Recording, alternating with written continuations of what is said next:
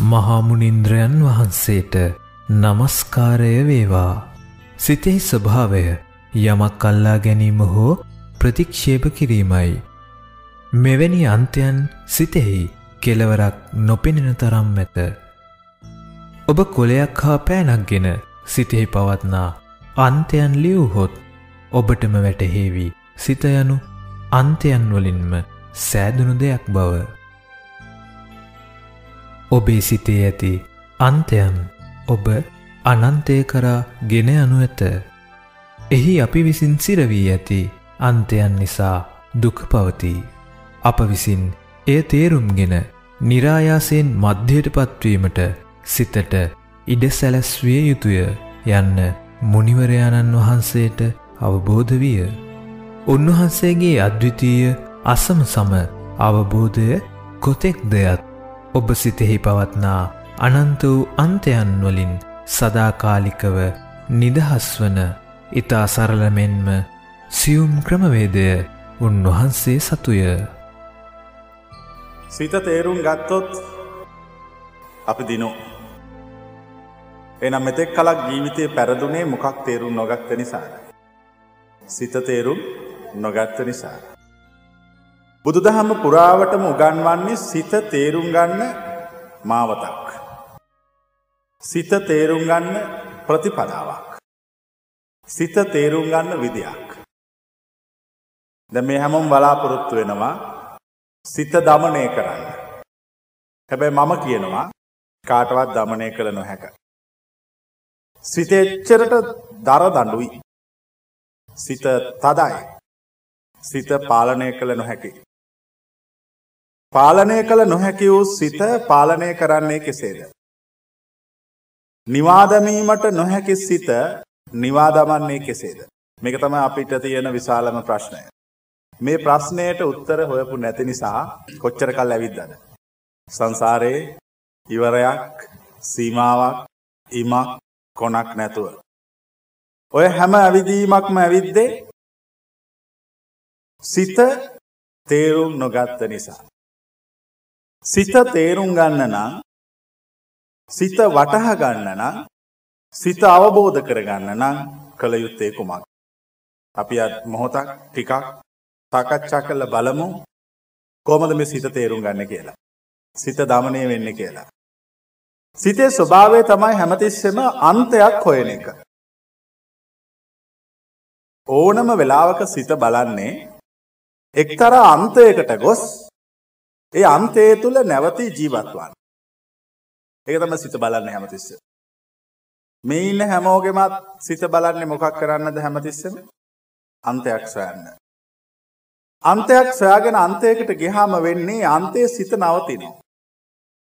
අන්තය තුළ නැවතිච්ච සිත ඇතිකරවන කර්ම හා විපාක නිසා සංසාරය ගමන් කරනවා. ලෝක අන්ත දෙකක් තියෙනවා. මේකන අපේ හොඳ පැහැදිලි කිරීමක් තියෙන මොකක්ද දිත්වය පොතේ. සූත්‍රයක් තියෙනවා අංගුත්තර නිකායේ චක්ක නිපාතයේ කච්චායන ගොත්ත සූත්‍ර. කච්චායන ගොත්ත කියන භික්ෂුව බුදුන් වහන්සේ ළඟට පැමිණ මෙ සිත ගැන අහන ප්‍රශ්නය. බුදුන් වහන්සේ දේශනා කරන කච්චායන ගොත්තට කච්චායන ගොත්ත මේ ලෝකෙ තියෙනවා ද්විස්වභාවයක් දොයංච කෝලෝකෝ දොයංච දොයංච කියන්නේ ද්විස්වභාවයක් දිත්වයක් තියෙනවා. මොකද දිත්වය අස්තිතංච නාස්ති. ඇත කියන එක එක අන්තයක් නැත කියන එක අනිකාන්තය දැන් බලන්න ලෝකේ හැමතැනම එහෙනම් මොකද තියෙන්නේ? දිත්වයක් බුදුන් වහන්සේගේ දේශනාව තුළ මේ දිත්වයක් තියෙන බව ඉතාම පැහැදිලිව දේශනා කළා අංගුත්තර නිකායේ චක්ක නිපාතයේ කච්චායන ගොත සූත්‍ර. ආය තව සූත්‍රයක් තියෙනවා. සංයුක්ත නිකායේ කච්චායන ගොත සූත්‍ර. ආය තව සූත්‍රයක් තියෙනවා මජ්ජ සූත්‍රය. මජ්ජ සූත්‍රයේ බුදුන් වහන්සේ ඉතාම පැහැදිලිව දේශනා කරනවා මධ්‍යය තුළ විමුක්තිය ඇති බව. මාපට මේ දේශනා අතරතුරොය සූත්‍ර දෙක ඇසුරු කරගෙන නිවන් මඟ පිළිබඳව පැහැදිලි කරන. මුල්ම පැහැදිලි කිලීම මාසිදු කරන්නේ සංයුක්ත නිකායේ කච්චායන ගොත්ත සූත්‍රය. දෙවනු අපි යොදා ගන්නවා මධ්‍ය සූත්‍රය. මේ සූත්‍ර කියව්වහම මේට සිහියෙන් කියවන්න ඕන. අපිට උනේ මේ ඉතිහාසයේ ඉඳලා මම කල්පනා කළා මේවා පරිවර්තනය කරපු අය හිටියා. මේවා කියවපු අය හිටියා. හැබැයි එක්කෙනෙක්වත් ධර්ම අවබෝධය කළේ ඇයි? ඒගොල්ලෝ නොසලකිල්ලෙන් දැනුමක් ලෙස මේවා පරිවර්තනය කළා. දැන් බලන්න සූත්‍ර ලක්ෂ ගාණක් දහස් ගාණක් තිබුණාට අපි හැමතිස්සෙම ගන්නේ අවශ්‍ය එක හෝ දෙක සූත්‍ර කීපයක් පමණයි. ඇයි ඒ සූත්‍රවල මේ රහස් ප්‍රතිපදාව මේ රහස් මාර්ගය හැංගිලා තියෙනවා. දැන් සූත්‍ර ඔක්කොම ගත්තට මේ කියන රහස් මාවත රහස් මාවත කියලා කියන්නේ මේක තමයි ආර්ය මාවත ආර්ය මාවත කියන්නේ මොකක්ද? නා විමුක්තියට පත්වෙන මාවත රහත් බවට පත්වෙන මාවත රහත් බවට පත්වෙන මාවත බුදුන් වහන්සේගේ දේශනාව තුළ සැඟවී පවතිනවා. ඒ සැඟවී පවතින එක තමයි බෝම පරිස්සමෙන් එළියට අරගෙන හරියට තේරුම් අරගෙන වටහාගෙන අවබෝධ කරගෙන ඉවර වෙලා දේශනා කරන්න. දැන් එතකොට මේ දේශනාව අහන කෙනෙකුට හරි ලේසි. මොකද්ද ලේසි? පතලත් කපලා මණිකුත් ගරලා මණිකත් හොයලා උඩට ගෙනල්ලා අතට දීලා කියනවා tamunට කැමති විදියට කපා ගන්න කියලා. ලේසි නැද්ද? පතලකුත් තාරලා මණිකත් හොයලා උඩටත් ගෙනල්ලා අතට දීලා කියනවා Tamanට අවශ්‍ය විදියට ඕක කපලා tamunට අවශ්‍ය තැනින් තියාගන්න කියලා. එතකොට මේ දේශනාව අහපු කෙනෙකුට ඊටාම ලේසියෙන් මේ කියන පරම සත්‍ය මේ කියන උතුම් සත්‍ය අවබෝධ කරගන්න පුළුවන්. හැබැයි මේ කියන විදි මේ මේ අනුගමනය කිරීමට කියන ප්‍රතිපදාවන් පිළිවෙත් කරන්න ඕන දේවල් පුහුණු කළ යුතු දේවල් තමුන් කරන්න වෙනවා. මම රවට්ටන්න බෑ. දැන් අපි කරන්නේ බොහෝ වෙලාවට පන්සලකට ගිහිල්ලා දෙගොල්ලෝ රවට්ටගෙන එනෝනේ. හාමුදුරුවෝ ගිහිව රවට්ටනවා, ගිහිව හාමුදුරුවෝ රවට්ටනවා. දෙගොල්ලෝ දෙගොල්ලෝ රවට්ට ගන්නවා. නැද්ද? ඕක තමයි කරන්නේ. වෙන මොකද කරන්නේ? ඒකනේ දෙගොල්ලන්ටම සත්‍ය අවබෝධයක් වෙන්නේ නැහැ. හරියටම සත්‍ය දැනගත්තාම කවුල් කාටවත් රවට්ටන්නවත් බෑ රැවටෙන්නෙත් නෑ. රැවටෙන්න කාරණයක් හේතුවක් ඒ කිසි තැනක නැති නිසා. ඒ නිසා මතක තියාගන්න. බුදුන් වහන්සේගේ දේශනාව හරි වෙනස්. ඒක හරි අමුතුයි. ඒක තියෙන්නේ දේ තේරුම් ගත්තම මුළු ජීවිතේම වෙනස් වෙනවා. අලුත් වෙනවා. අර අල්ලගත්තු හැම තැනක්ම මොකද කරන්නේ? අත්තරලා දානවා. නිදහස් වෙනවා. ඒ නිදහස තුළ විමුක්තිය පවතිනවා. අපේ සිතේ ස්වභාවය තමයි හැමතිස්සෙම අන්තයකට යන එක. සිත අන්තයක ගිහිල්ලා නවතිනවා. ඒ නවතින අන්ත සෙව්වතින් එහෙම ලක්ෂ ගාණක්. කොලේක ලියන්න මෙතෙක් කල් ඔබ නැවතිච්ච අන්ත. කීයක නවතින්නේ නැද්ද? ඈ දැන් මෙතන ඉන්න හැමෝම ආදරය, සෙනෙහස, පිළිසරණ සොයාගෙන කොච්චර යන්නේ නැද්ද? ගියේ නැද්ද? ඈ? මම අහන ප්‍රශ්නය. වෙනස් නොවන ඔය කියපු එකක් මේ කාටවත් හම්බුණාද? හ්ම් කවදාකවත් හම්බෙන්නේ නැහැ. දැන් අපි එක පැත්තකින් හොයනවා අනිත් පැත්තෙන් නොසොයනවා. අපි අන්ත දෙකකින් හිර වෙලා ඉන්නවා. මේ අන්ත දෙක සිරවී සිරින තාක්කල් අපට සංසාර විමුක්තිය උදා වෙන්නේ නැහැ. සංසාර විමුක්තිය උදා කරගන්න නම් මම කියන්නම් අපට පිළිවෙල. දැන් මොකද්ද පිළිවෙල? මම කියන්න ඕනේ දැන් කියනකොටම තේරෙනවා. මේ අන්ත දෙක අත්තරින්න ඕක තමයි අංගුත්තර නිකායේ චක්කරිපාතේ මධ්‍ය සූත්‍රයේදී බුදුන් වහන්සේ දේශනා කරන්නේ. බුදුන් වහන්සේ දේශනා කරන දුක අත්තරින්න, සැප අත්තරින්න. දුක සැප අත්තර මධ්‍ය අත්තරින්න. ඔන්න ඔය මධ්‍ය අත්තරින්න කියන එක ටිකක් ගැඹුරුයි. මම ඔබෙන් ප්‍රශ්න කරනවා කෙලෙසද මධ්‍ය අත්තරින්නේ? මධ්‍ය අත්තර දවන්නේ කෙසේද? මධ්‍ය අත්තරී ගමන් නිර්වාණ අවබෝධයේ හෙවත් සංසාරයෙන් සදහටම නිවත් වෙනවා. මධ්‍ය පවතින තාක්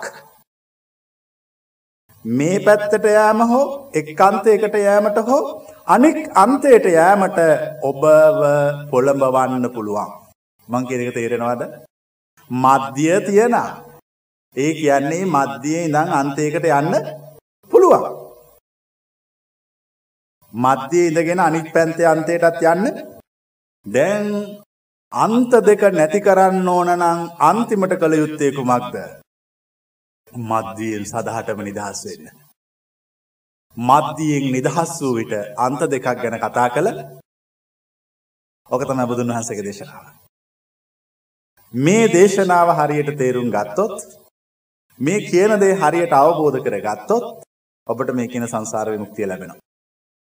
නැත්තම් කොච්චර පූජා කළත් අවුරුදු ලක්ෂ පහක් ඔය ආසනයේ ඔහොම ඉඳගෙන ඔය ඇඳුම ඇඳගෙන ඔහොමම වාඩි වෙලා හිටියත් අවබෝධය වෙන්නේ නැහැ.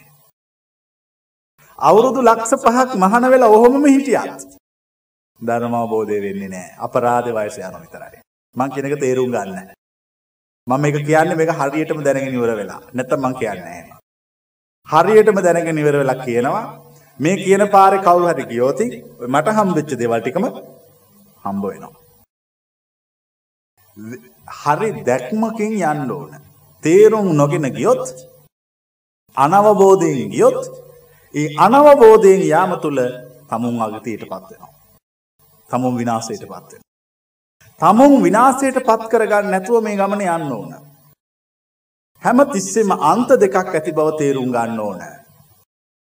ඔබ කරන්නේ ඔබේ ජීවිත කාලය පුරාම මේ අන්ත දෙකෙන් එක පැත්තකට ගමන් කරනවා. හරියට මේ වගේ අපි හිතමු ඔන්න ළමයි දෙන්නෙක් ඉන්නවා. වයසක අම්මා කෙනෙක්. එක පුතෙක් බයිනකොට මොකද්ද කරන්නේ? ඈ අනිත් පුතා ළඟට යනවා. ඊට පස්සේ අනිත් පුතා ළඟට ගිහලා ටික දවසක් ඉන්නවා. එතකොට මොකද්ද වෙන්නේ? ඒ ගෙදරිනුත් ඒ ගෙදරින් බයිනවා. ඊට පස්සේ ඒ ගෙදරින් ඇවිල්ලා ආය අර පරණ පුතා ළඟට යනවා. ඊට පස්සේ පුතා ළඟ මාසයක් දෙකක් තුනක් ඉන්නවා. එතකොට ඒ ගෙදරින් බනිනවා. ඊට පස්සේ මොකද කරන්නේ ආයි? තේරෙන්නේ නැද්ද මම කියන දේ? ඉස්සෙල්ලා මධ්‍යයට එන්න. මධ්‍යයට ඇවිල්ලා ඉවර වෙලා මධ්‍ය අවබෝධ කරගෙන අවසානයේ මධ්‍ය අත්තරින්න. මධ්‍ය අත්තරිය ගමන් සංසාරයෙන් සදහටම නිදහස්. සදහටම සංසාර විමුක්තියේ උරුමක්කාරයෙක් බවට ඔබ පත් වෙලා තියෙනවා. ඒ පත්වීම ඒ පත් වුනාම ඔබ ඔබේ ගමන හරියට ගිහිල්ලා තියෙනවා. බුදුන් වහන්සේගේ දේශනා හරි වෙනස්. ඇත්තම බුදුන් වහන්සේ. සැබෑ බුදුන් වහන්සේ. දේශනා කරන අමුතු ඒවා. හැබැයි මේ දේශනා හරියට ඇහුවොත් දුක නිවෙනවා. දුක සම්පූර්ණයෙන්ම නිවෙනවා. බලන්න ඔබට මේ දුක කියන එක මානසික වශයෙන් පවතිනා වූ විඳවීම කියන එක පවතින්නේ අන්තයක ඉන්නකන්නේ. ඈ අන්තයක ඉන්නකම් විතරයි විඳවීමක් පවතින්නේ. මධ්‍යයට ආපු ගමන් විඳවීමක් විඳවීමක් නැහැ. මධ්‍ය තුල විඳවීමක් නොමැත. මධ්‍යය තුල නිශ්චල භාවයක් ඇත. ඒ නිශ්චල භාවය විඳවීමක් නැතිකම අපි අපේ ජීවිතේ අත්දැකලා අත්විඳලා අවබෝධ කරගන්න ඕන. ඒ අවබෝධ කරගත්තාම ඔබේ ජීවිතය ආලෝකමත් වෙනවා. සිත දමනය කරන්න තියෙන ලේසිම විදිය ඕකයි. කිසි දවසක දමනය කරන්න බැරි මුරණ්ඩු සිත දමනය කරන්න පුළුවන්. දැන් බලන්න ওই මෙච්චර කාලයක් ඔබේ සිත වැඩ කළේ කාට ඕන විදියට. සිතට ඕන විදියට. තමුන්ට අවශ්‍ය දේ කරලා දුන්නද කවදාකවත්? ආ? කරලා දුන්නේ නැහැ. ඒකයි ඒ සමහර කරන දේවල් ඉවර වුණාම පසුතැවෙන්නේ. හොඳට කල්පනා කරන්න මේ කියන දේවල් සමහර දේවල් ඔබ ජීවිතේ කරලා ඉවර වුණාම පසුතැවුන්නේ නැද්ද? තේරුමක් නැහැ මම මේ දේ කළාට. මොකටද මම මේක කළේ? මහන්නේ ඇයි පසුතැවෙන්නේ? කළා තමුම්මනේ කළේ දැන් ඕක. ඈ තමුම්ම කල්ලි වෙලා තමුම්ම පසුතැවෙනවා. මම අහන්නේ ඇයි මේ පසුතැවෙන්නේ සිත? එතකොට අපි අපිට පේනවා අපේ සිත සිතට කවුරු හරි බැහැලා එයාට ඕන දේ කළා තියෙනවා. කවුද ඒ බහැපු එක්කෙනා? ඒ තමයි මාරයා. ඒ තමයි මාරයා. මාරයා සිතට බහැලා තියෙනවා. යක්ෂයා සිතට බහැලා තියෙනවා. බහැලා එයාට ඕන දේවල් කළා අයින් වෙනවා. එතකොට ඒවට වන්දි ගෙවන්න ඕන. ඇයි අපේ සිතට මෙවැනි යක්ෂේ මෙවැනි මාරේ සැරින් සැරේ ඇතුල් වෙන්නේ? අන්ත දෙකේ තියෙන වෙලාවට තමයි ඔය ඇතුල් වෙන්නේ. අන්ත දෙකේ ඇති වෙලාවට සිතට සිතු සිතුවිලි ගලනවා වැඩි. අන්තකට ගියාම සිත සිතුවිලි නිෂ්පාදනය කරන ප්‍රමාණය වැඩි. සිතුවිලි නිෂ්පාදනය කරන ප්‍රමාණය වැඩි වුණාම ඔන්න අර කියන කෙනා සිතට ඇතුල් වෙලා එයාට ඕන දේවල් ටික කළා එළියට යනවා. ඊට පස්සේ සිත මධ්‍යයට ආවම තේරෙනවා කරපු දෙයක කිසි තේරුමක් නැහැ කියලා. ඉතින් මම ඔබට කියන්නේ සිත හැමතිස්සෙම පුරුදු කරන්න මධ්‍ය තියාගෙන ඉන්න. කිසි ප්‍රශ්නයක් නැහැ.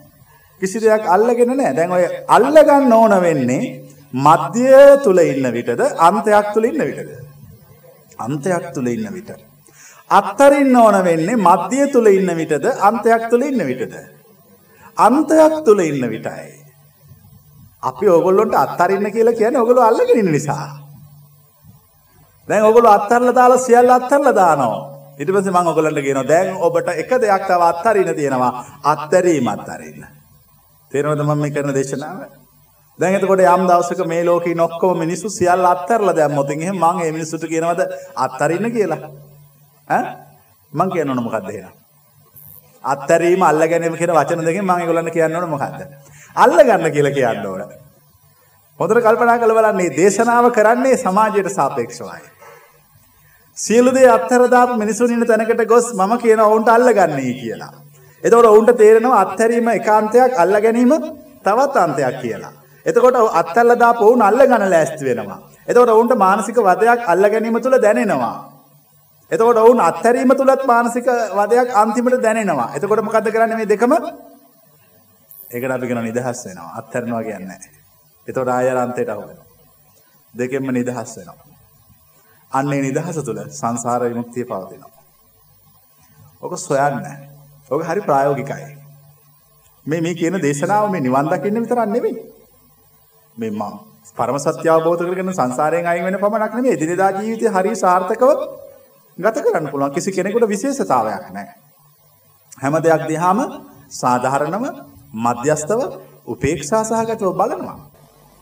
මම කියා දෙන්නේ මහා රණ්ඩුවක් වෙන තැනකදී බෝම්බයක් පුපුරන තැනකදී වෙඩි තියෙන තැනකදී නිවිලා ඉන්න විදිය. බෝම්බයක් ගහපු තැනක මහා කාලගෝට්ටියකදී නිවෙන්න පුළුවන් නම් මේ කියන විදිහට පුළුවන්. නිවෙන්න පුළුවන් නම් වනාන්තරයක් තුල නිවී යෑමක් ගැන කවර කතාවක්ද? තේරෙනවද කියන එක? දැන් ඕගොල්ලෝගේ පාර ඕගොල්ලන්ට වැරදිලා තියෙන්නේ. ඕගොල්ලෝ හැමෝම කරන්නේ කෘතිම නිවීමක් සොයාගෙන යනවා. කෘතිම නිවීම නම් කවුරුවත් නැති නිශ්චල තැනක කොහොමත් නිවෙනවා. කැලේකට ගිහිල්ලා වාඩි වෙලා හිටියාම ගහ ගන්න කවුරුවත් නැහැ. බනින්න දොස් කියන්න ඊර්ෂ්‍යා කරන්න වෛර කරන්න කවුරුවත් නැහැ. කැලේ කවුරුවත් නැති නිසා බෙදා ගන්න කෙනෙකුත් නැහැ. තරඟකාරීත්වයකුත් නැහැ. ඒ කියන්නේ මනසට කිසිම ප්‍රශ්නයක් නැහැ. දැන් ප්‍රශ්නේ තියෙන්නේ කොහෙද? මේකෙන් ඔය ඉන්න කැලේ එළියට ආවා. එතන ප්‍රශ්නයක් තියෙනවා. තනි ජීවිතයේ වනාන්තරයක් තුල ජීවිතය හොඳයි ලෝකේ කවුරුවත් නැත්තම්. තේරෙනවද කියන එක? ඒතර කොහොමත් ඉන්න වෙන්නේ එතනනේ. ලෝකෙ මිනිස්සු ඉන්න තාක්කල් වනාන්තරයක් තුල ජීවත් වීම අසාර්ථකයි. ඇයි? වනාන්තරයේ අවුරුදු 50ක් 60ක් ජීවත් වෙලා ජීවත් වෙන්න පුරුදු වෙච්ච කෙනෙක් මොකද වෙන්නේ? සාමාන්‍ය මිනිස්සු ජීවත් වෙන වෛරය, ක්‍රෝධය, ඊර්ෂ්‍යාව පවතින සමාජයට આવොත් මොකද්ද වෙන්නේ? හ්ම් මොකද වෙන්නේ? ටොකු වෙනලා මරන්නේ. මොකද කිසි දෙයකට අත්දැකීම් වලට මුහුණ දෙන විදිය මුහුණ දෙදි දන්නේ නෑ. අර එකතරක තියෙන විදිය පිටකේ බුදු ආම්දුරෝයි වැඩේ සිටින කාලේ හාම්දුරුව වගේක් කැලේකට ගිහිල්ලා ඉනවා මොකක්ම දන්නේ නෑ. හොරු වගේක් ඇවිල්ලා අහනවා අද කවදාද දන්නේ නෑ කියනවා. මේ උදේද දවල්ද ඒත් දන්නේ නෑ කියනවා. පුරද අවද ඒත් දන්නේ නෑ කියනවා. මේ හොරු ටික මේ හාමුදුරට ගහලා ගහලා තපය කඩලා දාලා යනවා. බුදුහාමුදුරුවෝ දේශනා කරන්නේ මොකද්ද? ඇයි ඕගොල්ලෝ එම දැනගෙන හිටියේ නැත්තේ? අන්න එතකොට තමයි කියන්නේ අනුජානාමි භික්කවේ නක්කත්තක්. මහණෙනි දවස් නැකත් උදේ රෑ මේවා දැනගෙන ඉන්න ඕන. මේවවත් දන්නේ නැත්තම් කොහොමද කොහොමද ජීවත් වෙන්නේ? ඒ වගේ මම කියන්නේ මේ සිත නිවන්න ඕන සිත නිවීමට සාන්ත පරිසරයක් අත්‍යවශ්‍ය නැහැ. මම කියන නිවීම මම නම් කියන්නේ කරන්න කියලා හෙලවෙන චලනය වෙන තැනකදීමයි. බලන්න හරි ප්‍රායෝගිකයිද ඒක? දැන් අපි කොතනකට හරි ගිහලා සිත නිවාගෙන යනවා. දැන් මෙතන බොහොම ශාන්තයි මේ පරිසරය. මේ පරිසරේ කවුරුවත් රණ්ඩු වෙන්න කෙනෙක් නැහැ, බනින්න කෙනෙක් නැහැ. බොහොම හොඳට ඉන්නවා. හැබැයි කාර්යාලයේ මෙහෙම ඉන්න පුළුවන්ද? ඈ? දැන් කාර්යාලයට ගියාම එකිනෙකා ඊර්ෂ්‍යා කරනවා, වෛර කරනවා, එක්කෙනෙක් කපලා අනිත් එක්කෙනා නැගිටින්න හදනවා. ඔහොම එහෙම වෙනකොට ඔබට මේ ප්‍රශ්න වලට මුහුණ දෙන්න වෙනවා ජීවිතේට. එතකොට ඔබට තේරෙනවා කෝ ඊයේ මං සිල් සමාදන් වෙලා ඉන්නකොට මම මෙතන වාඩි වෙලා ඉන්නකොට තිබිච්ච ශාන්තිය දැන් නැහැනේ කියලා. ඒ කියන්නේ ඔබ ළඟ තාමත් හරියටම ශාන්තියක් නැහැ. හරියටම තාම ඇවිල්ලා නැහැ. හරියට මෙන්න නම් රණ්ඩුවක් වෙන තැනක වෙඩි තියෙන තැනක, බෝම්බ ගහන තැනක, කලබලකාරී තැනකත් මේ කියන ශාන්තියෙම ඉන්න පුළුවන් වෙන්න ඕන. අන්න එහෙනම් ශ්‍රේෂ්ඨයි.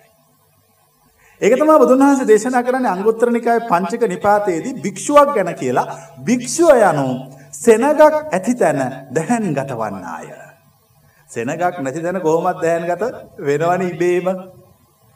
භික්ෂුව යනු සෙනගක් ඇති තැන දැහැන්ගත වන්නා. ඉතින් මමත් ඔබලාට කියන්නේ සෙනගක් ඇති තැන දැහැන්ගත වෙන්න.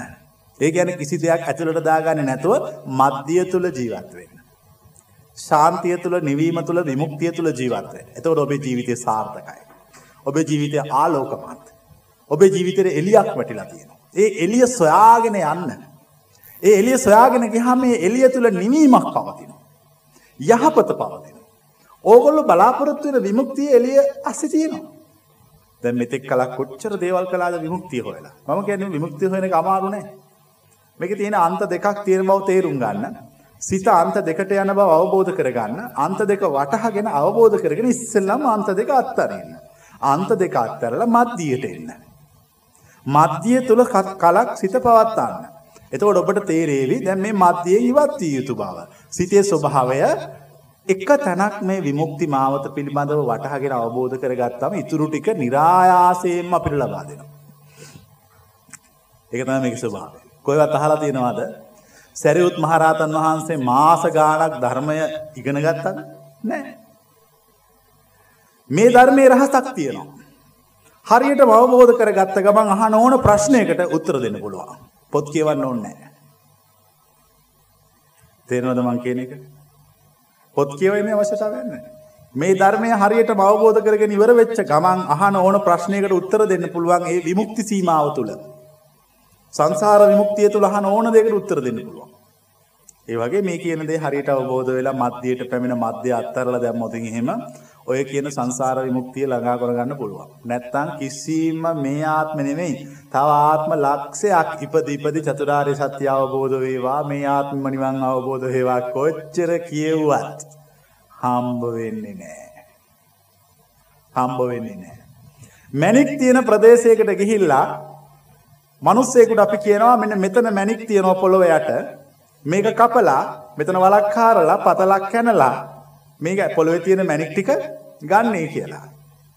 මේ මෝඩ මිනිස්සයා මැණික් පතල කපන්නේ නැතුව කම්මැලිකමට මැණික් පතල ළඟට ඇවිල්ලා ඒ මැණික් තියෙන තැනට ඇවිල්ලා පොළොවට වැඳලා කියනවා අනේ මේ පතල ඇතුලේ තියෙන මැණික මට ලැබේවා මේ ආත්මෙම ලැබේවා ලැබේවා සාදු සාදු කියනවා. මම ඔබලගෙන් ප්‍රශ්න කරන්නේ ඒ මෝඩ මිනිහාට පොළව යට ඇති මැනික ලැබේදයි කියා.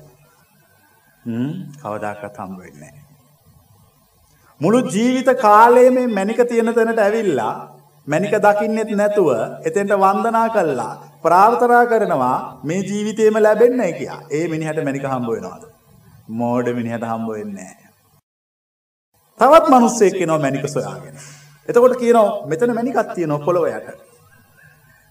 දැන් ඔබ ප්‍රාර්ථනා කරනවා මැනික හම්බ වෙන්නේ කියලා මෙච්චර කාලයක් තිස්සේ.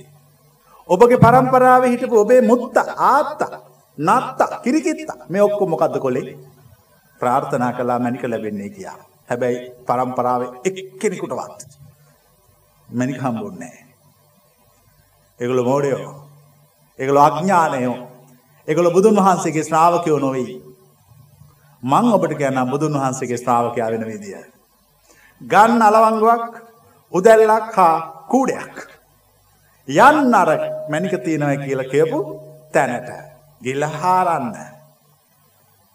ඔන්න ඔහම ටිකක් හාරගෙන හාරගෙන හාරගෙන යනකොට හම්බෙනවා ගලක් දැම්ම කද කරන්න. හාරනවාද අත්තරෙනවාද. ලොකු ගලක් හම්බුණා. මැනික එක සැරේට හම්බ වෙන්නේ නැහැ ඉස්සෙල්ලා හම්බෙන්නේ මහා කළුගල්. ඔය හම්බෙන හැම කළුගලක්ම කඩලා බෝර ගහලා වෙඩි තියලා කඩලා විනාශ කරනවා. විනාශ කළා අයින් කරනවා. මම මේ කියන්නේ මේ මැනිකක් කාරණ එකක් නෙවෙයි තමුන්ගේ සිත ගැන කරන ගවේෂණයක්. දැන් මේ මහා කළුගලක් හම්බ වුණා. මහා කළුගලක් හම්බ වුණාම උත්සාහය මදි කෙනා මන්දෝත්සාහී වෙනවා. මන්දෝත්සාහී වෙලා මොකද කරන්නේ? අතෑරලා යන්න හදනවා. ඔහු මෝඩෙක්. ඔහු අඥානය. ඔහුට මැනික හම්බ වෙන්නේ කියවන වන්නූපත ජාතකය. වන්නූපත ජාතකය පළවෙනි ජාතක කතාව. කාන්තාරක ඊතන පඳුරක් තියෙන තැන ලිඳක් කඩිනව වතුර සොයාගෙන. යටට හාරං යනකොට විශාල කළු ගලක් හම්බ වෙනවා. බෝධිසත්වයෝ අත්තරින නෑ වැඩේ. බෝධිසත්වයෝ කුඩු කරනවා කළු ගල. කුඩු කරපු ගම මහාජල කඳක් කළු ගල යටින් එලියට විදිනවා. දිනවා. ඒක තමයි මහා බෝධිසත්වයන් වහන්සේගේ වීර්ය අත්තරින්නේ. ඇයි අත්තරින් නැත්තේ අත්තරියාම දුක වැඩි මොකද මේ සංසාරයට අහුවේ නොව මේ ගල නිසා අත්තරියොත්. හැබැයි මතක තියාගන්න. මණික සොයාගෙන යනකොට අභියෝග තියෙනවා. අභියෝග නැත්තම් එතන මණිකක් මණිකක් නැහැ. මණික හම්බ වෙන්නේ අභියෝග සියල්ලට මුහුණ දීලා ඒ සියල්ල නිශ්චලව විඳ දරාගත්තොත් පමණයි. ඒ නිසා ඔබේ සංසාරය තුල විමුක්තිය කියන මණික තියෙනවා. සංසාරය කියන වල හාරන්න. ඒකේ අහුවෙන ගල් කුළු ගෙඩියකින් බෝරවලින් ගහලා බිඳලා කඩන්න කඩලා අයින් කරන්න. වතුර ඒවි ඒ වතුර ඉක්මනට ඉහින්න. ඊට පස්සේ තියෙන පස් ටික උඩට ගන්න. පස් උඩට අරගෙන හොදන්න. එකින් එක වැලියට වෙන් කරන්න. බලන්න මේ කොච්චර සූක්ෂම වැඩක්ද කියලා. ඊටත් වඩා අමාරුයි සංසාර විමුක්තිය හරියම එක හොයාගන්න එක. ඔය මැනික හොයාගන්න පුළුවන් හැබැයි සංසාර විමුක්තිය හරියම එක හොයාගන්න එක අමාරුයි ලේසි නෑ ගැටලු සහගතයි දැන් අර ඥානවන්ත මිනිස්සෙක් ඇවිල්ලා එතන දැන් පතලක් කනගෙන ගියා. එයා බොහොම පිළිවෙලකට මේ මැණික් වල හාරගෙන හාරගෙන යනවා. ඊට පස්සේ එයාට හම්බ වුණා මැණිකක් තියෙන බවට මුල් සේයාව. මොකක්ද ඒකට කියන්නේ? ඉල්ලම හම්බ වුණා. දැන් ඉල්ලම හම්බුණා එයාට තේරුණා හරි. දැන් ඔන්න මං තැනට ඇවිල්ලා. දැන් ඔබටත් ඉල්ලම හම්බ වෙලා තියෙන්නේ. මොකක්ද ඉල්ලම? ඉල්ලම කියන්නේ අන්ත දෙකෙන් අයින් වෙලා මධ්‍යයටපත් වීම. දැන් ඔබට මධ්‍යයටපත් වුණාම තේරෙනවා සිත නිවි යන බව. ඒක තමයි ඉල්ලම. අයි තවත් මුකුත් අවශ්‍ය නැහැ. දැන් ඕක නෙවෙයිද මෙච්චර කලක් ඔය හොය හිටියේ? දැන් අවශ්‍යව ලැබිච්ච දේ හරියට ස්ථිරව සහතික වශයෙන් වෙනස් නොවන තත්වයකට පත් කර ගැනීම පමණයි.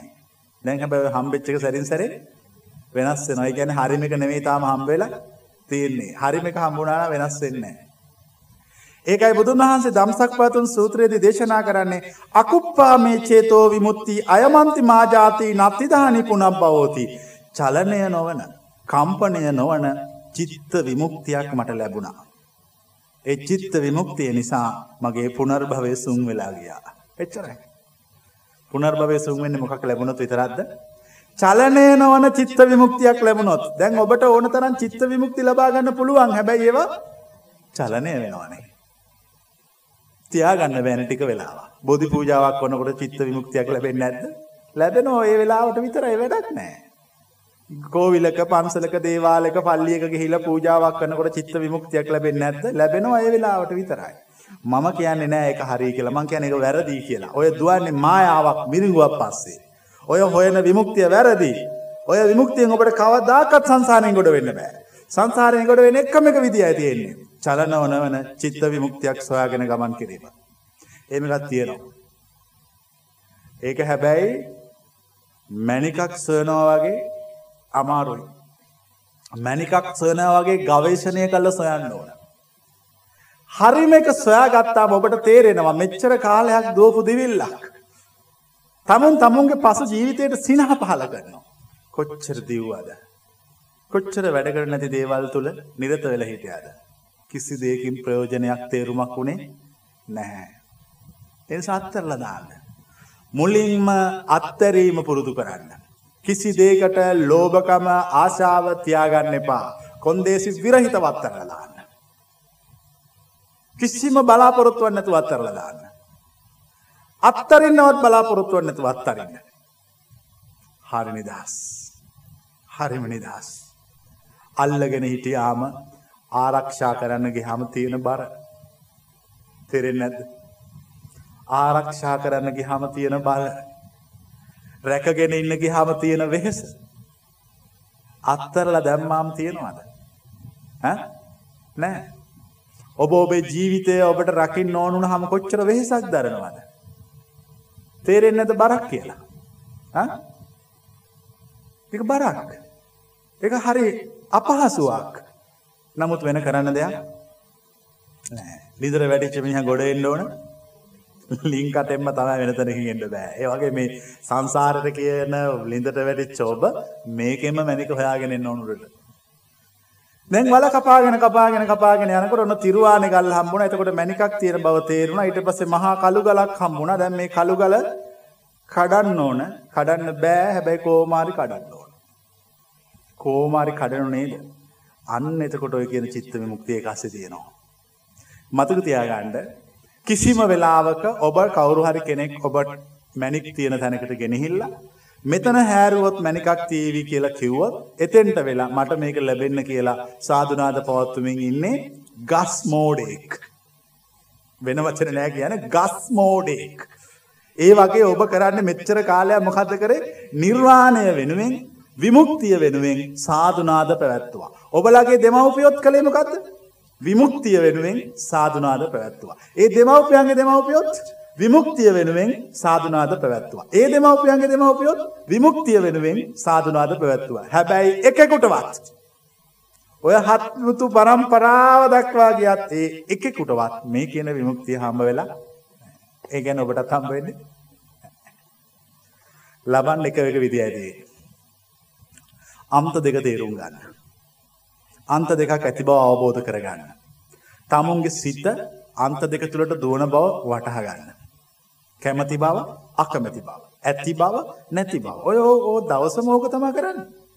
සිත කරන්නේ දවසම මේ දෙකින් එකක් අල්ලගෙන මොකක් හරි නාටකමක් නටන. ඔක තේරුම් ගන්න. තේරුම් අරගෙන ඉස්සෙල්ලා මධ්‍යයට එන්න. මධ්‍ය තුල ජීවත් වන්න. මධ්‍ය තුල ජීවත් වීම තමයි මජ්ක්‍ධිමා පටිපදා. තේරෙන්නේ නැද්ද දැන් මේ කියන එක? ඈ දම්සක් පැතුම් සූත්‍රයේදී ගෞතම බුදුන් වහන්සේ පැහැදිලි කළේ ඕකයි. ද්වේමේ භික්ඛවේ අන්තා පබ්බජිතේන න සේවිතබ්බා මහණෙනි අන්ත දෙකක් තියෙනවා භික්ෂුවක් විසින් සේවනය නොකළ යුතු. නොසෙවිය යුතු. දැන් ඔබ අන්ත දෙක දන්නවද? ඈ? කම්සප්ප ඇතහා කම්සප්ප නැත. ඔන්න එමය ගන්නේ වැරදියට ගන්න එපා.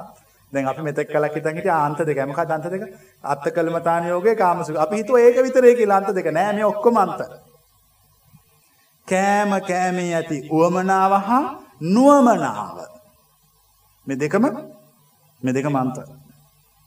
මේ දෙක මන්ත. ජීවිතය පුරාවටම තියෙන එහෙනම් මොකද්ද? අන්ත. එහෙනම් දැන් කොහොමද ඇත්ත මැත්ත එක හොයාගන්නේ? අන්ත දෙකක් නේ පවතින්නේ. අන්ත දෙක තුල කවදාකවත් විමුක්තිය නැහැ. අන්ත දෙක තුල විමුක්තිය නැති නිසා තමයි මජ්ක්‍ධිමා පටිපදා තථාගතේන අபிසම්බුද්ධා. මධ්‍යම ප්‍රතිපදාව තුළින් තථාගතයන් වහන්සේ අபிසම්බුද්ධත්වයට පත් වුණා. ඒ කියන්නේ මධ්‍යයට පත්වීමෙන් අනතුරුව. දැන් මධ්‍යයේ පැය ගවේෂණය කරන්න. අන්තිමට තමයි මධ්‍ය අත්හරින්නේ. ඒකනේ අලගත් දුපම සූත්‍රයේ තියෙන ධර්මයේ පාරුවක් පාරුව ඕන වෙන්නේ ගංගාවෙන් සංසාරයෙන් එතර වෙන්න විතරයි. සංසාර කියන සාගරයෙන් එතර වෙලා ඉවරුණාම කරන්නේ පාරුව බිමින් තියලා යන එක. ඒ කියන්නේ අන්තිමට මධ්‍යමත් මධ්‍යත් හෙවත් මධ්‍යම ප්‍රතිපදාවනොත් අයින් වෙනවා. රහතුන් වහන්සේට මධ්‍යම ප්‍රතිපදාවක් ගැන කතා කළ නොහැක. උන්වහන්සේ මධ්‍ය අත්තර ඇති නිසාය. උන්වහන්සේට සංසාරයක් ගැන කතා කළ නොහැක. උන්වහන්සේ නිර්වාණයට පස් ප්‍රවිෂ්ඨ වී අවසන් නැති නිසාය. උන්වහන්සේට බ්‍රහ්මචර්යාවක් ගැන කතා කළ නොහැක. උන්වහන්සේ බ්‍රහ්මචර්යාව අවසන් කොට ඇති නිසාය. ඔබ කරන්නේ ඉවර කරන්න බැරි බ්‍රහ්මචර්යාවක්. තේරෙන්නේ නැද්ද? ඔය බ්‍රහ්මචර්යාව ඔය සීලේ කවදාකවත් ඉවර වෙන්නේ නැති සීලයක්. ඒකයි සන්දක සූත්‍රයේ කියන්නේ ආනන්ද හාමුදුරුවෝ මේ මේ බ්‍රහ්මචර්යාව අස්වැසිල්ලක් නැහැ. අස්වැසිල්ලක් නැහැ කියන්නේ ඉවරයක් නැහැ.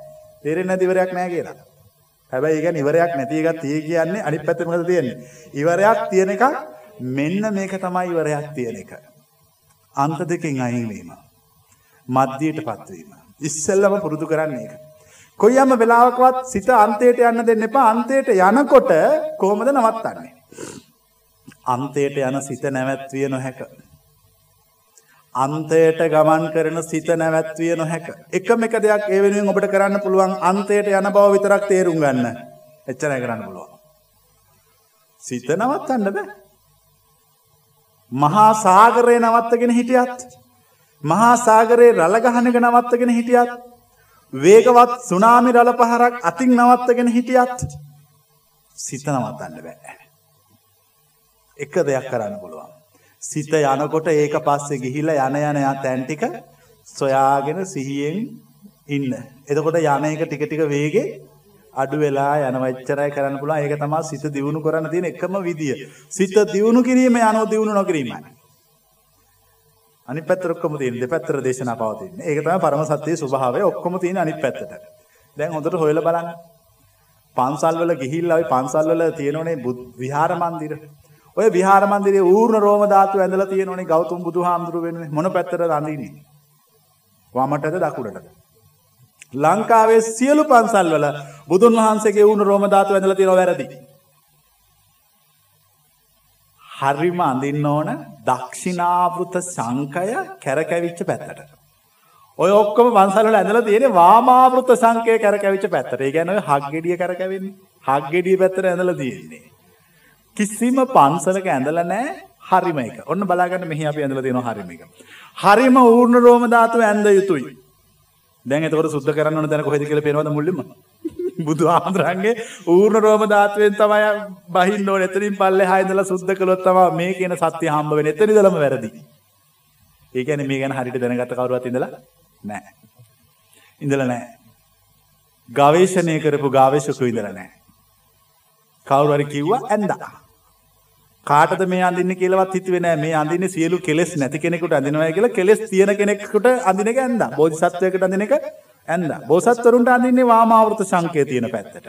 මහා බුද්ධත්වයට පත්වෙච්ච බුදුවරුන්ට අඳින්නේ දක්ෂිනාවෘත සංකේ තියෙන පැත්තට. ඒක අනිත් පැත්තට අඳින්න ඕනේ. හැබැයි මම දැකලා නම් තියෙන්නේ මේ ගියපු හැමතැනකම මම ඔක බලනවා මම කාටවත් කියන්නේ නෑ. හැබැයි මම දන්නවා ඇත්ත. කියලා වැඩක් නෑනේ මොඩියෝනේ ඉන්නේ. ආ ඒකත් එහෙම ඔය ඉන්නේ බුදුහාමුදුරුවෝ නෙමෙයි ඔය ඉන්නේ බෝධිසත්වයෙක් කියලා හිතාගෙන එනවා. ඉතින් මොනව කරන්නේ? දෙකක් මං ඔබට කියන්නේ ඇත්ත එක හැමතිස්සෙම හැංගිලා තියෙනවා. දැන් ඔන්න මේක කිව්වාම හැමෝම දැනගන්නවා මේකත් වැරදි එන. එතන ඉඳලාමයි වැරද්ද තියෙන. එතනින් පල්ලෙහාට සියල්ල වැරදි කියලා මා කියන්නේ. සියල්ල සංශෝධනය කළ වෙනස් නොකළොත් බුදුන් වහන්සේගේ ඇත්ත පණිවිඩය හොයන්න හම්බෙන්නේ නැහැ. ඒ නිසා මතක තියාගන්න පරම සත්‍ය ඇත්තම ඇත්ත දේ හැංගිලා අස්සේ තියෙනවා. හැබැයි කවදාකවත් මරන්න කිසි දවසක ඝාතනය කළ නොහැක. ඝාතනය කරන්න බෑ. ඒක මරණවා කියලා කියන්නේ ඒක ව්‍යාප්තියට වැඩිපුරම උදව්ව දෙන එක දැන් මේ මේ සත්‍යයේ පණිවිඩය මේ සත්‍යයේ පණිවිඩය ඇහෙනකොට භෞතික දේවල් මත ජීවිතේ පුරෝගෙන ඉන්න මෝඩයන්ට ඔය පිරිකර අට පිරිකර ගොඩවල් ගොඩ ගහ ගන්න මෝඩයෝ ඒවා පූජා කරමින් නිවන් ලැබෙනවා කියලා හිතන මෝඩයන්ට ටිකක් හිත රිදෙනවා. ඉතින් හිත රිදෙන්න ඕන. ඒ හිත රිදෙන්නේ නැත්නම් එතන මොකක් හරි ප්‍රශ්නයක් තියෙනවා මොකද අර පූජා කළ පමණින් නිර්වාණයක් සංසාර විමුක්තියක් ලැබෙන්නේ නැහැ. ඒ පූජා කළ යුතුයි. පූජා කරන්න ඕන. නමුත් නිර්වාණය ලැබ ගන්න හම්බ වෙන්නේ නැහැ. ඒක තමයි ඇත්ත. ඉතින් ඔය කියන ඇත්ත කිසිම හේතුවක් නිසා නවත්තන්නේ නැහැ. සොක්‍රටිස් ඇත්ත කිව්වා. මේ පරම සත්‍ය නෙමෙයි ඒ තිවිච්ච සමාජයට සාපේක්ෂව සොක්‍රටිස් මොකද කිව්වේ? සාම්ප්‍රදායික පල්ලිය කිව්වා ඔය ඔහේ කියනව වැරදි. ඔහේ කියනවා දේව වාක්‍යයට විරුද්ධයි. ඔයට දෙවල් දෙකක් කරන්න පුළුවන්. එකක් තමයි ඔහේ කියපුව සංශෝධනය කරන එක. අනිත් එක තමයි ඔහේ කියපුව සංශෝධනය කරන්න බැරි නම් වස බීලා මැරෙන එක. සොක්‍රටිස් කිව්වා මිනිසුන් මිය යා යුතුය කවදා හෝ. මිනිසුන් මිය යා යුතුය කවදා හෝ. විමුක්තිය වෙනුවෙන් සත්‍ය වෙනුවෙන් මැරෙන්න පුළුවන් නම් ඒක තමයි ශ්‍රේෂ්ඨම දේ කියලා වස ඉල්ලගෙන විල මැරුණා. හරි දැන් අදත් අපි සොක්‍රටිස් ගැන කතා කරන්නේ ඇයි? අර වසකෝප්පේ දීපු හින්දා. තේරෙන්නේ නැද්ද කියන එක? ඒ මිනිහා කිව්වනම් එහෙම මම කියපුව සංශෝධනය කරන්නම් දේව වාක්‍යයට ගැලපෙන්න. මමත් ඒ જાතියෙම තමයි. දේව වාක්‍ය වලට ගැලපෙන්න, සාම්ප්‍රදායික පොත්වලට ගැලපෙන්න, කිසිවකට කිසි කෙනෙකුට ගැලපෙන්න පරම සත්‍ය සංශෝධනය කරන්නේ නැහැ. සත්‍ය සත්‍යමයි. ඒක මට සංශෝධනය කරන්න බෑ. ඒක සංශෝධනය කර යුත්තේ සත්‍යයට කවුරු හරි අයිතිකාරයෙක් ඉන්නවා නම් ඔහු ගොස්ති. මම ඒ අයිතිකාරයා නෙමෙයි. ඒ නිසා මම මේ දැනෙන දේ කියනවා කිසිම හේතුවක් නිසා කිසිම දෙයක් නිසා කිසිම කෙනෙක් නිසා ඒක වෙනස් කරන්නේ නැහැ. ඒ තමයි සත්‍ය. වෙනස් කරන්න උත්සාහ ගත්තත් කිසිම භෞතික දෙයකින් සත්‍ය පාලනය කළ නොහැක. දැන් මේ මම අහලා තියෙන ධම්සක් බවතුම් සූත්‍රයේ බුදුන් වහන්සේ දේශනා කළා. ධර්ම චක්‍රය පෙරලල ඇලිය මේ පැත්තර පෙරලුවා ආය මේ පැතරාවද තාම පෙරලෙනවා. ධර්ම චක්‍රය සත්‍යය පෙරලල ඇරියාම ඒ අර පැත්තර පෙරලෙන නෑ ආයි තමුන්ගේ පැත්තට. ඒක ඉස්සරහටම පෙරලෙ නොතිය අහු වෙන සියලුදේ පාල්ගෙන. විනාස කරගෙන. නැති කරගෙන. අධර්මය යටපත් කරගෙන. අයුක්තිය කපාගෙන. ධර්ම චක්‍රය පෙරලීගෙන පෙරලීගෙන පෙරලීගෙන ගිහිල්ලා අවශ්‍ය ධර්ම යුද්ධය කල්ලා අවසන් කර වගේ මේ මා කියන පනිවිඩයත් ධර්ම යුද්ධයක් දක්වාම සත්‍යය නැවත ඉස්මතු වීම දක්වාම කියනවා. කිසිම දෙයකට කිසිම කෙනෙකුට කිසිම හේතුවක් නිසා නැවැත්විය නං නොහැක. නවත්තන්න අවශ්‍යතාවයක් ඇත්තෝ උත්සහ දරත්වා. හැබැයි නැවැත්වය නොහැක. ඒක තම සත්තිී ස්වභාවය. නවත්තන්න බෑ මාත්මා ගාන්ධිතුමා මැරුවා නැවතුනාද නෑ මාත්මා ගානිතුමාත් කිව මේ පනිවිඩේම තමයි සියලු දෙ අත්හරින්න කිව්වා බ්‍රහ්මචරියාව රකින්න කිව්වා එතුමාට එතුමාගේ වන්සකෙක් කෙනෙක් වෙඩි තිබ්බා. අන්තවාදී හින්දු මනුස්සේ ක්‍රාම්දාස්. මාත්මා ගාන්තර වෙඩිතිල මාත්මා ගාන්ධි මැරුණ කියල දැනගත්තාම පනස් අට දෙනෙකුට හාටටක් හැදිල මැරුණ. එවෙල්ලෙම මැරුණ මිනිසු පනස්සට.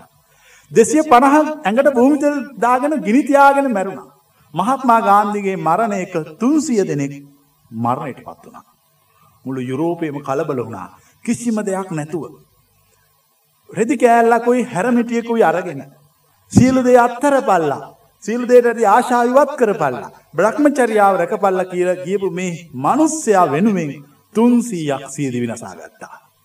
මේ මනුස්්‍යයා මහා පුදුම මනුස්සේ කියලා තමයි ඉන්දියාවට නිදහස ලැබ ති මහත්මාගාද දිනවා. මොකදහගේ බලාපොරොත්තු වනේ. ඉන්දියාව නිදහස් කිරීම. එච්චර. මේ සත්‍ය හරි අමුතුයි. මේක තියෙන අපට හිතාගන්න බැරි එක කිසිම විදිකට නවත්තන්න බෑ. මේක දෙන්නෙත් නවත්තන්න බැරි කෙනෙකුටම පමණයි. වෙන කෙනෙකුට දුන්නොත් එහෙම කත කරන්න. භෞතික දෙයක් දැක්ක ගම එකට කෙල හලලා මේක නවත්තල වෙන එක කියන්න පටන් ගන්න. කිසිම දෙයකට කලබල කරන්න බැරි කම්පනය කරන්න බැරි කෙනෙක් දැක්කොත් විතරයි පරම සත්‍යයේ පණිවිඩය දෙන්න එක තමයි ලෝකයේ මේ ස්වබාදහම තුළ තියෙනව ස්වභාවය. එනිසා දැනගන්න මේ මේ හරිමදේ දැනගන්න හරිමදේ දැනගත්තම ඉතින් වෙනස් කරන්න දෙයක් නෑ. තව කොතෙන්ද වෙනස් කරන්නේ? තව කුමක් සංශෝධනය කරන්නේ? සංශෝධනය කළ යුතු අලුත් කළ යුතු වෙනස් කළ යුතු එකම එක දෑ පවතින්නේ පරම සත්‍ය දක්වා පමණයි. ඒ කියන අන්තිම දේ දැනගත්තයින් පස්සේ එතනින් එහාට වෙනස් කිරීමෙවත් වෙනස් නොකිරීමෙවත් අවශ්‍යතාව ඉවත් වෙනවා. සිත මධ්‍යයට පත් වෙනවා. ගෞතම බුදුන් වහන්සේත් කළේ මෙන්න මේ මධ්‍ය ගැන දේශනා කිරීමයි. ඒක තමයි කියන්නේ මජ්ක්‍ධිමා පටිපදා කියලා. මජ්ක්‍ධිමා පටිපදා තථාගතේන අபிසම්බුද්ධ තථාගතයන් වහන්සේ අபிසම්බුද්ධත්වයට පත් උනේ මධ්‍යම ප්‍රතිපදාව අනුගමනය කිරීම තුලින්මයි. ඒ නිසා ඔබටත් මේ සංසාර විමුක්තියට පත්වෙන්න ඕන නම් නිවීම අවශ්‍ය නම් ගැලවීම අවශ්‍ය නම් නිදහස අවශ්‍ය නම් ඔබටත් යන්න වෙන්නේ ඒ පාරෙම තමයි. එකමික පාරයි තියෙන්නේ මජ්ජිමා පටිපදා. අන්ත දෙක අත්හැරීම මධ්‍යයට පැමිණීම. අන්ත දෙක අත්හැරීම මධ්‍යයට පැමිණීම. මධ්‍යය තුළ ගමන් කොට මධ්‍යයෙන් නිදහස්වීම එච්චරයි. මේකර ලෙසි පාලා. මේ පාරතුළ ගමන් කරන්න. මේ පාරතුළ ගමන් කොට මේ සත්‍යයේ පණිවිඩය අවබෝධ කරගන්න. සත්‍යයේ පණිවිඩය තේරුම් ගන්න. සත්‍යයේ පණිවිඩේ වටහා ගන්න එතකොට තේරේ ජීවිතය දැන් වෙනස් වුණා. මැරිලා ඉපදුනා. මැරිලා ඉපදෙන එක කොච්චර හොඳද. දැන් මේ හැමෝම මැරිලා ඉපදිච්ච අයනේ මීට කලින්. මතකද ඒ ආත්මෙ වෙච්ච පරණ කුණු කන්න? ඈ මොකක්වත් මතක නැහැ. කොච්චර ෂෝද්ද? දැන් මේ කවුද අකමැති මේ ආත්ම වෙච්ච ඔක්කොම කුණු ටිකෙන් සුද්ධ වෙලා අලුත් වෙන්නේ. ඒ තමයි රහත් බව. අංගුලිමාල මහරහතුන් වහන්සේ දේශනා කරන්නේ තමුන් මනුස්්‍ය ඝාතන නමසි අනුනමයක් කළ මිනිස්සු නමසි අනුනමයක් මැරුව අත් කැපිච්ච ගාර දන්නේ නෑ කං කැපිච්ච කකුල් කැපිච්ච බෙල් මේ අරහෙන් මෙහින් කැපිච්චේව ගහපුවා අල්ලගන්න බැරුව දුවපුවා ගණන් නෑ එ කොච්චරද කියල දන්නේ නෑ උන්වහන්ස දේශනා කරනවා ආර්ය ජාතියේ ඉපදිච්ච දාපටන් සතෙකුගේ දිවි තොර නොකෙලෙමි. ඒ කියන්නේ උන්වහන්සේ ආර්ය ජාතිය ආයි ආයි ඉපදිලානේ. ආයිපදිලා කියලා උන්වහන්සේ කියනවා. දැන් ඔබ ගවේෂණය කරන්න මොකක්ද අංගුලිමාල මහරහතුන් වහන්සේගේ දෙවැනි ජන්ම දිනය. උන්වහන්සේගේ දෙවැනි ජන්මදිනය තමයි උන්වහන්සේ සත්‍යවබෝධ කළ දිනය. සත්‍යාවබෝධ කළ හැම කෙනෙකුටම ජන්මදින දෙකක් ඇත. එකක් නම් බෞතිකව මවකුසෙන් ඉපදනු ජන්මදිනයයි. දෙවැනි ජන්මදිනය නම් අවබෝධ කළ ජන්මදිනයයි. මෙදකින් වඩා වැදගත් අවබෝධ කොල්ල ජන්මදිනය. තේරවද මේ කියන එක. ඔබ සත්‍යාවබෝධ කළොත් ඔබට උපන්දින බලන්න කොච්චර හොඳ කියලා උපන්දින දෙකයි උපන්දින කේක් දෙකයි උපන්දින පාටි දෙකයි දෙක දෙක හම්බ වෙන ඔක්කොම ඒවා. මොකද සත්‍යාවබෝධය කරනකන් හම්බ වෙන්නේ නැහැ. ඒකයි අඟුලිමාල මහරහතන් වහන්සේ දේශනා කරන්නේ උන්වහන්සේත් කියන්නේ ආර්ය ජාතිය මං ඉපදුණා. මං ආර්ය ජාතිය ඉපදුණා. ආර්ය ජාතිය ඉපදුණා කියලා කියන්නේ ගෞතම බුදුන් වහන්සේගේ වංශයට අයිති වුණා.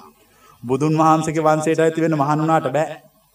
මහාන් වුණා කියලා බුදුන් වහන්සේගේ පුත්‍රයෙක් වෙන්නේ ශ්‍රාවකයෙක් වෙන්නේ නැහැ. බුදුන් වහන්සේගේ ශ්‍රාවකයා වෙන්න ඕන නම් මොකද කරන්න ඕන? එකම එක දෙයයි මේ කියන මධ්‍ය තුලින් ධර්ම අවබෝධය කළ යුතුයි.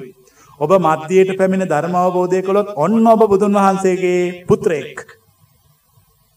බුදුන් වහන්සේගේ පුත්‍රයෙක්. බුදුන් වහන්සේගේ ශ්‍රාවකයෙක්. ඔබ ඇඳගෙන ඉන්න ඇඳුම උන්වහන්සේට වැදගත් නැත. ඔබට ඇඳුමක් ඇත්ත නැද්ද කියන එක බුදුන් වහන්සේ අපෙන් නාසයි.